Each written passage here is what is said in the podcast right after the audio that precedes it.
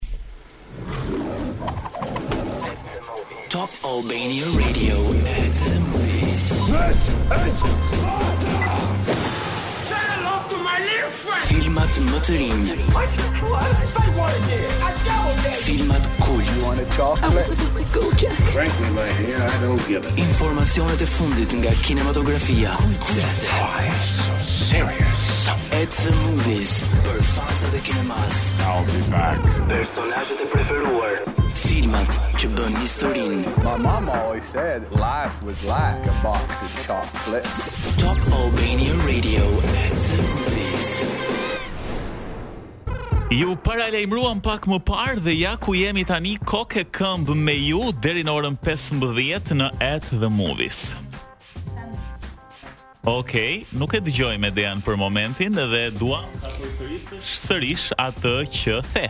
The jemi këtu kokë e këmbë dhe thashë minus ca gishta, minus ca duar. Po, në fakt uh, jemi kemi rënë pak nga pesha meqë na e nxore këtë temë mjaft delikate. Fol për veten ti. Ashtu siç thamë edhe pak më parë, në At the Movies sot do të flasim për tre premiera që janë shumë të bukura, në fakt njëra prej tyre na pëlqeu ekstremisht shumë mua dhe Edeas, titullohet The Creator dhe flet për um, një luftë që ndoshta ndoshta nuk është shumë e largët në konceptin tonë.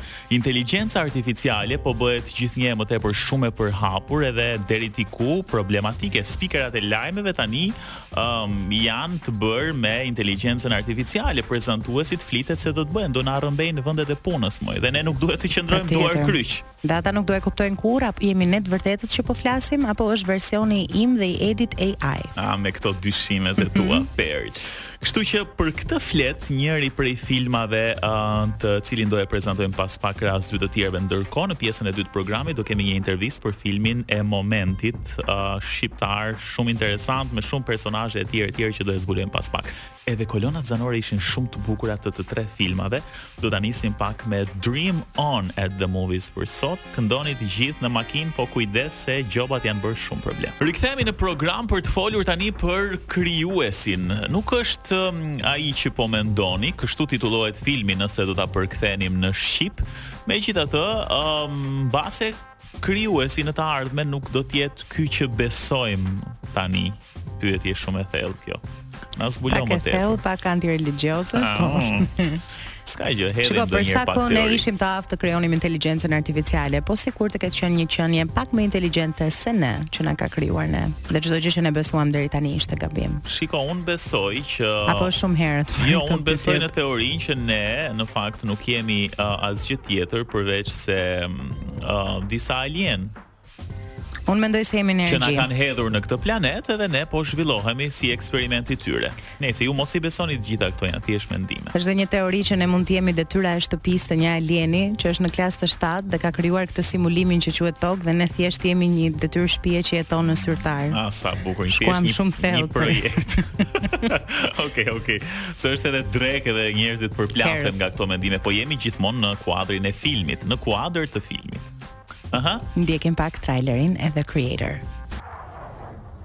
When the war started. Në një të ardhme jo shumë të largët. They protected me. Njerëzit dhe inteligjenca artificiale luftojnë për ekzistencë. The AI are developing a super weapon.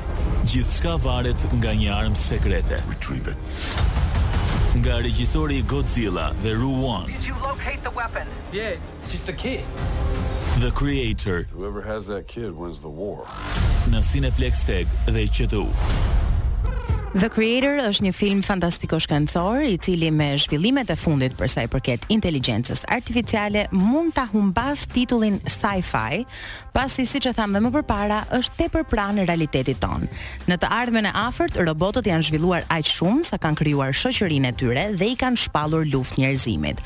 Ama paqja dhe balanca mes këtyre dy botëve kaq të ndryshme, që njëkohësisht janë dhe kaq të ngjashme, do vendoset nga një ish-ushtar dhe arma sekrete më e frikshme në botë, që në rastin e këtij filmi është një robot që ka pamjen e një vajze të vogël.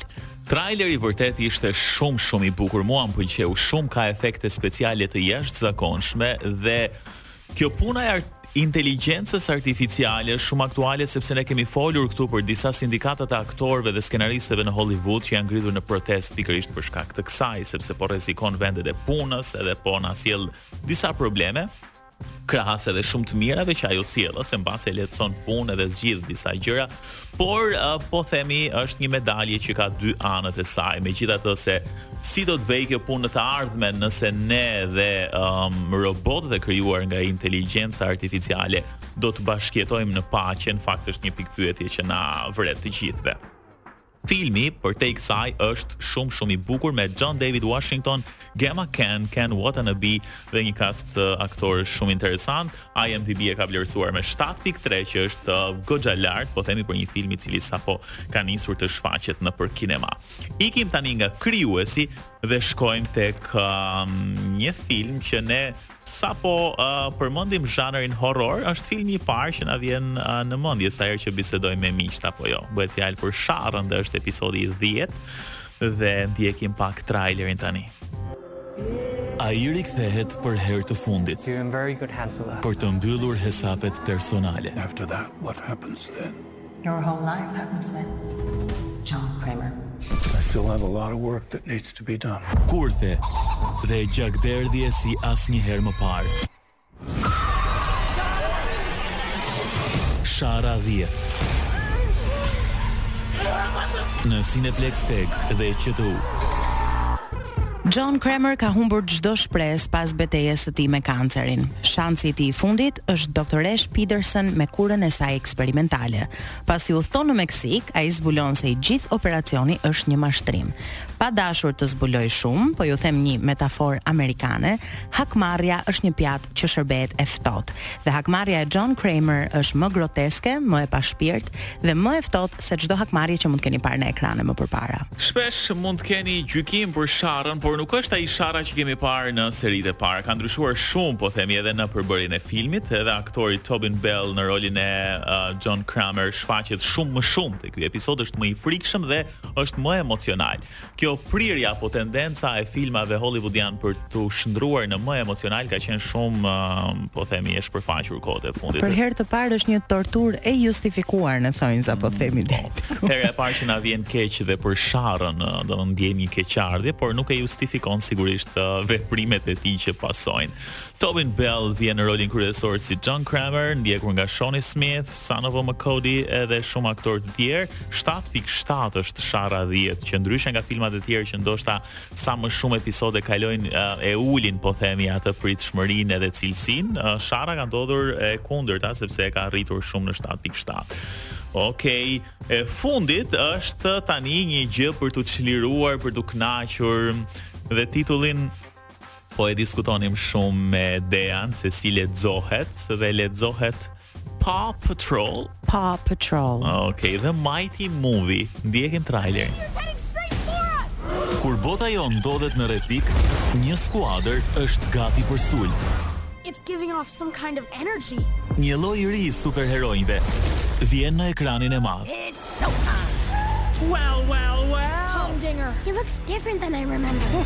Të zgjuar, të shpejtë dhe me plot superfuqi. Paw Patrol, The Mighty Movie. Një meteor magjik përplaset në qytetin e aventurave dhe u jep këlyshve Paw Patrol superfuqi. por jo të gjithë e përdorin një fuqi të marrë nga universi për mirë dhe këlyshët e Paw Patrol nuk do jenë të vetmit që përfituan nga meteori magjik. Është një film për të gjithë familjen, ndaj të dielën familjare këtë javë dedikojani fëmijëve tuaj. Çojini në Cineplexx TEG dhe në QTU do të ketë animatorë, do të ketë muzikë Face painting dhe dhurata në sallë. Okej, ndërsa shumë interesante se zërat tek Paw Patrol vijnë nga personazhe të fushave të ndryshme, është Kim Kardashian, është Chris Rock, Kristen Bell, Serena Williams, tenistja e famshme ka gjithashtu një rol, po themi sa i përket uh, performancës së saj zanore. Këto janë tre premierat që kanë mbërritur në Cineplexx dhe me thënë të drejtën janë njëra më e bukur se tjetra. Kë do zgjedhësh ti apo e thamë? Normalisht që The Creator, por do thoja që nuk surprizohem aspak për pjesëmarrjen e Kim Kardashian, e cila tani po e shohim dhe si aktore tek mm. American Horror Story sezoni 12. Gjë që nuk do thoja është aktrimi më i mirë në botë, por mjaft surprizues për Kim Kardashian. Pastaj janë hapat e parë dhe mm, nuk do jetë surprizë sikur ta shohim edhe në një produksion pak më të madh hollywoodian. Edhe në fund fundit Kimi vetëm në frigorifer nuk na del tani dhe nuk është habi për ta parë kudo. Ok, shkëputemi tani dhe rikthehemi për të folur për një film që po bën namin edhe pse nuk është shfaqur ende na duhet të presim edhe pak në kuadër të dashurisë. Rikthehemi në program edhe pas premierave botërore që kanë mbërritur tashmë në Cineplex, do t'i kthejmë sytë tani nga Shqipëria jonë e bukur e dashur dhe duhet thënë që edhe në aspektin kinematografik kemi ecur disa hapa përpara, ndoshta me hapa të vegjël, por gjithsesi Kemi arritur vitet e fundit që të bëjmë edhe disa produksione të këndshme për t'u parë, po pse jo, të cilat kanë ecur pak edhe në festivalet ndërkombëtare. E zbuluam edhe pak më parë që do të flasim për një film që tashmë është bërë publik, edhe është bërë publike edhe data e premierës së madhe. Edhe duhet ta pranojmë, është filmi MNZ. MNZ, po sigurisht se Tani duhet ta themi kur kemi edhe një gjë si Top Channel Films që sapo kemi nisur me këtë gjë, me prodhimin e filmave dhe është po themi ajo krijesa e parë, pa dyshim që duhet uh, të jetë shumë e mirë që të na lëri pastaj vend për të ardhmen. Kemi tani në studio um, regjisorin dhe skenaristin e filmit Në kuadër të dashurisë, Koloreto Cukali. Kolo, Edhe kolegu ynë njëkohësisht mos ta bëjmë kaq zyrtare. Sa do i thoja, si ndihet të jesh këtu, jo të hënën. A pse nuk është e hënë sot? Jo, jo, sot jo. nuk është e hënë dhe sot do thoja atë shprehjen që e thua ti të hënave, po sot ndodha ajo gjë, prandaj nuk se nuk është e hënë. Kolo mirë se erdhe.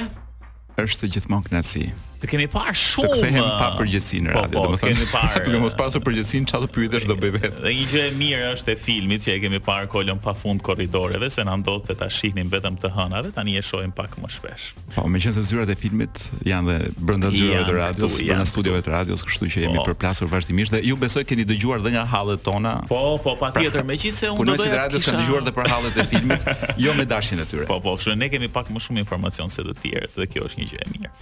Po nuk do zbulojmë asgjë që nuk duhet zbuluar deri para premierës së madhe. Kolo dua të tani e dim pak a shumë se për çfarë bën fjalë filmi, me aktorët, pra janë zbuluar shumë gjëra. Tani unë kam direkt dua të futem në në temë dhe në tema paksa delikate. Dihet që filmi um, po themi do marrë edhe një sukses për shkak të personazheve që janë brenda, sidomos dy prej tyre që janë um, Luiz Ejlli dhe Olta Gixhari, të cilët dolën nga një program, dolën, nuk dolën absolutisht, po po themi u rikthye vëmendja tek ta shumë pas Big Brother të vitit të kaluar që ishte një program ekstremisht i suksesshëm. Tani përveç kësaj pjesës që filmi do ketë një vëmendje uh, për shkak të këtyre personazheve, Çfarë tjetër duhet të themi pra për publikun, sepse duhet ta pranojmë që ka dhe nga ata skeptikë që për shkak të personazheve ndoshta e shohin pak me dyshim filmin, ë? Unë mendoj që filmi është shumë e vërtetë që vëmendja pa dalë filmi dhe pa parë filmin do jetë kryesisht siç ndodh në gjithë botën tek mm -hmm. yjet kryesorë të filmit. Po, po. Ë, uh, por unë mendoj që filmi ka vlera të tjera që janë pra që bëjnë filmin të mirë për t'u parë, një vlerë që publiku besoj duhet shkojë ta shohë dhe ta marrë me vete. ë Po aq peshë ka dhe produksioni. Për shembull, kur ishim gjatë xhirimeve në Korçë, njerëzit ë pra gjithë e gjithë Korça ishte elektrizuar sepse Topi ka ardhur në Korçë për, për një film. Sigurisht edhe Luizi është në Korçë, sigurisht edhe Olta është në Korçë. Po. Pra kishte pra mos harrojmë edhe vlerën e madhe të produksionit që shton, pra i merr këta dy personazhe dhe i fut brenda një produkti shumë të mirë dhe të paketuar shumë mirë dhe të bërë shumë mirë. Pra është një vlerë produksioni shumë e mirë. Dhe unë besoj që është një film dinjitoz. Pra ndoshta jo kushdo mund të qeshi ose jo kushdo mund ta pëlqejë. Ë uh, sigurisht që mund të ketë njerëz që ndoshta dhe nuk do i pëlqejë ky apo ai apo diçka, por unë mendoj që filmi në vetvete ka dalë një film serioz dhe dinjitoz.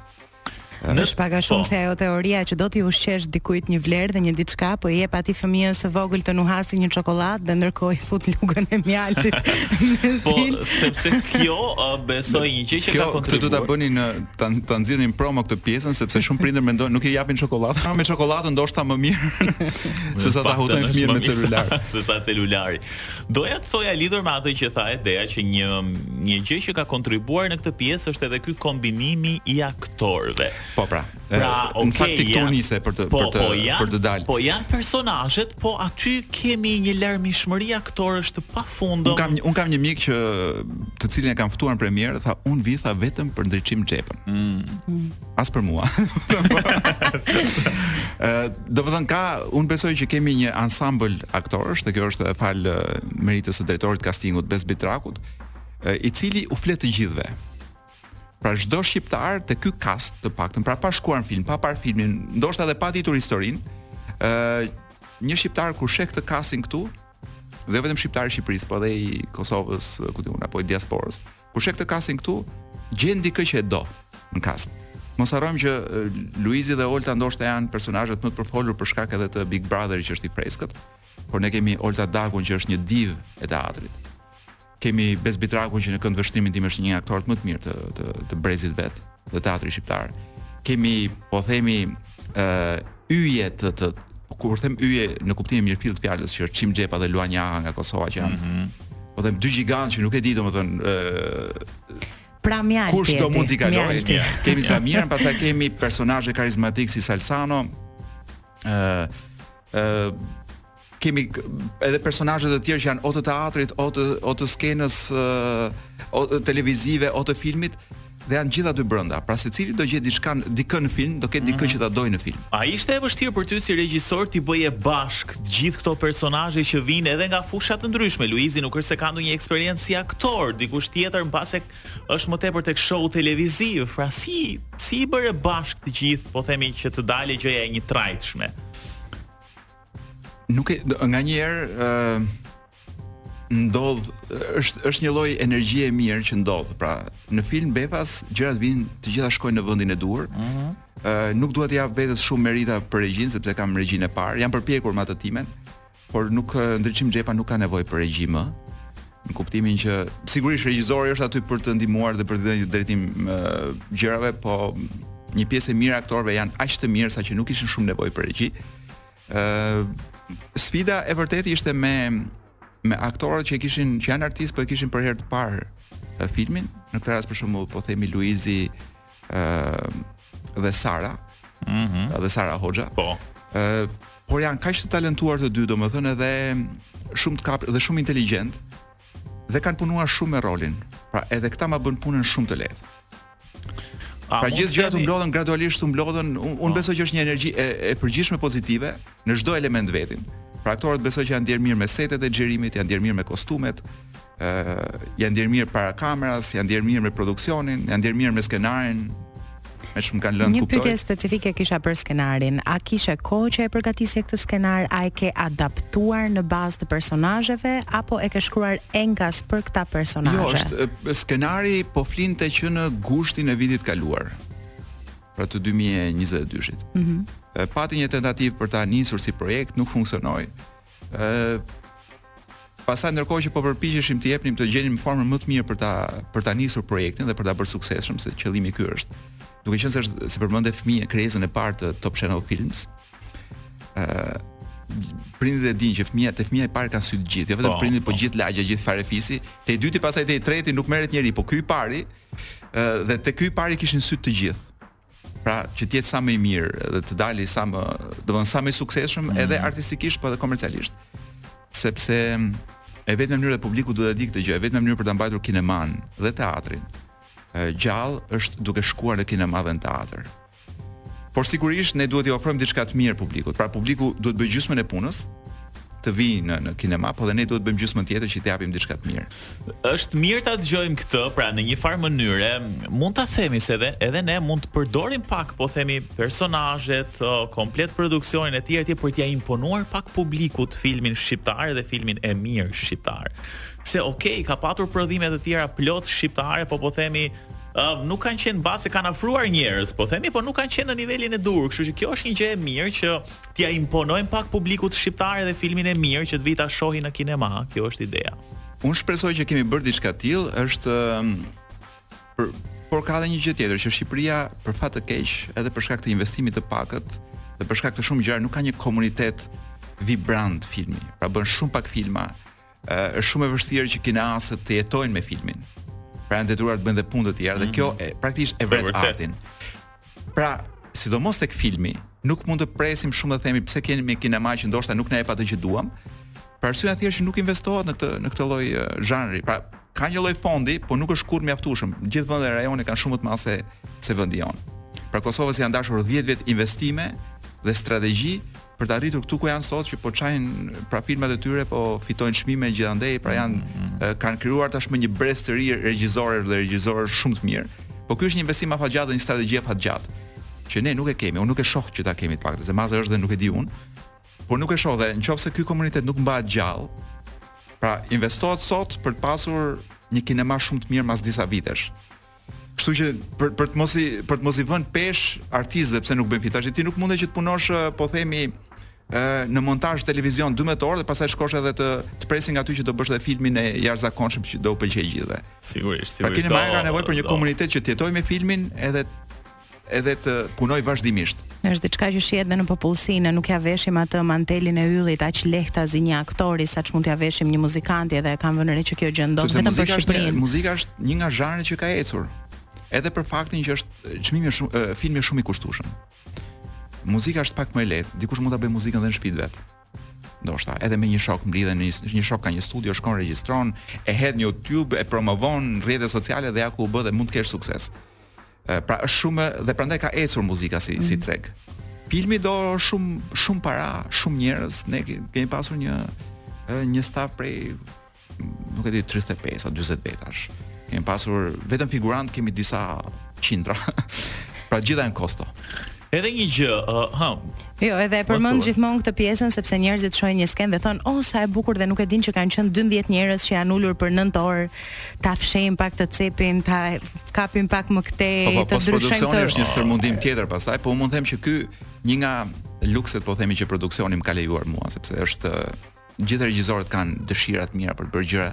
Dhe mirëpo jo gjithmonë produksioni jep mundësinë. Ë për shembull një nga lukset është që për një skenë filmi që zgjat 3 minuta, ë mua më kanë dhënë 3 ditë xhirimi që është është vërtet luks. Pra ne për për një për një plan 20 sekonda kemi ngritur gjithë stafin dhe e kemi çuar në majë të malit.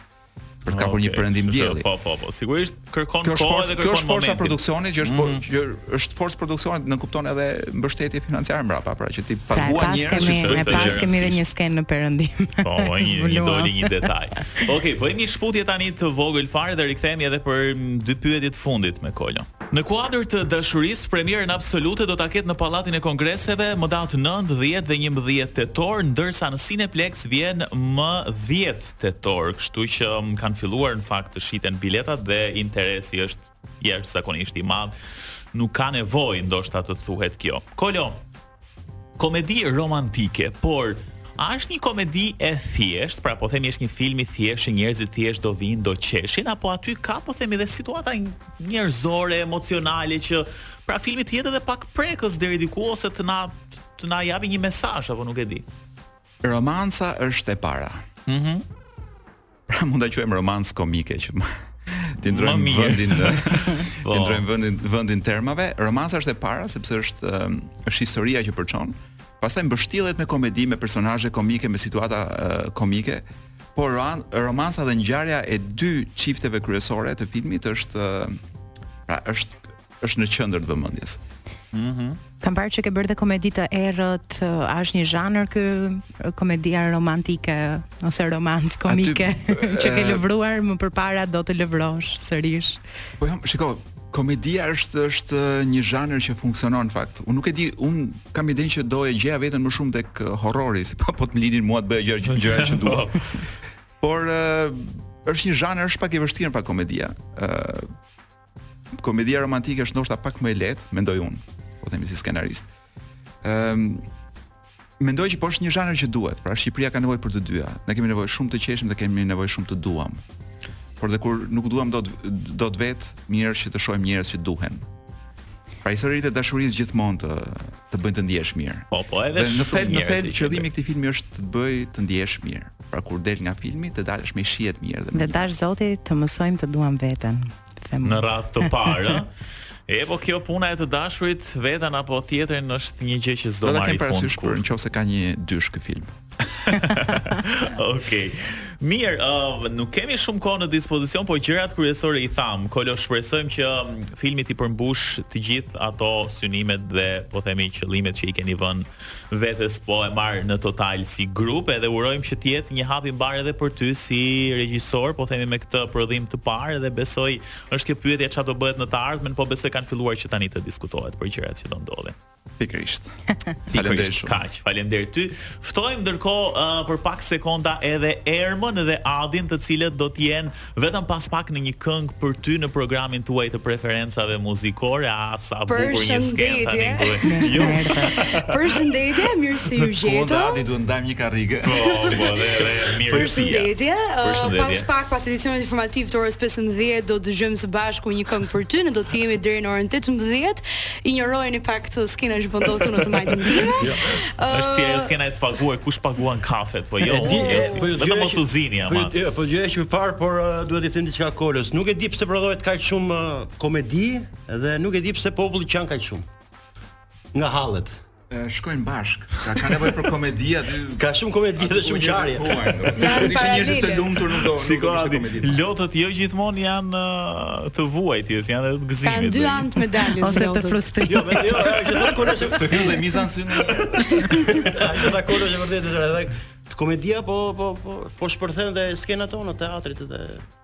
Por edhe në familjet tona po flas. Na ka hyrë në familje, po na shkatërron familja. Adi pse nuk mund të bëj më parë. Një ditë tjetër. Gjithsesi do, do i keni, do i keni. Ne bëmë interferimin tonë tani, uh, do të ndjekim pas artit, do të ndjekim prap art. Uh, do të jemi me këngë, do të kemi rrugëtimin tonë deri në orën 18, do të kemi të gjitha preferencat e dëgjuesve tanë, kështu që kjo është thirrja jonë që ato t'i bëjnë gati, edhe të na i sjellin në një listë të kopsitur, mirë e mm. mirë tek regjia. Do të kemi edhe një pyetje kuizi për të cilën do të luajmë dhe shpresojmë që sot patjetër të kemi një fitues se është e premtë, është është dita më e bukur e gjithë javës. Po, po, po, po. Faleminderit. Do të jenë me ju absolutisht ju lëmë stafetën. Ne ndërkohë në At the Movies jemi të premten e ardhshme. Deri atëherë kalofshi bukur edhe sa më shumë komedia mbizotëroftë në shtëpitë tuaja. Kalofshi mirë.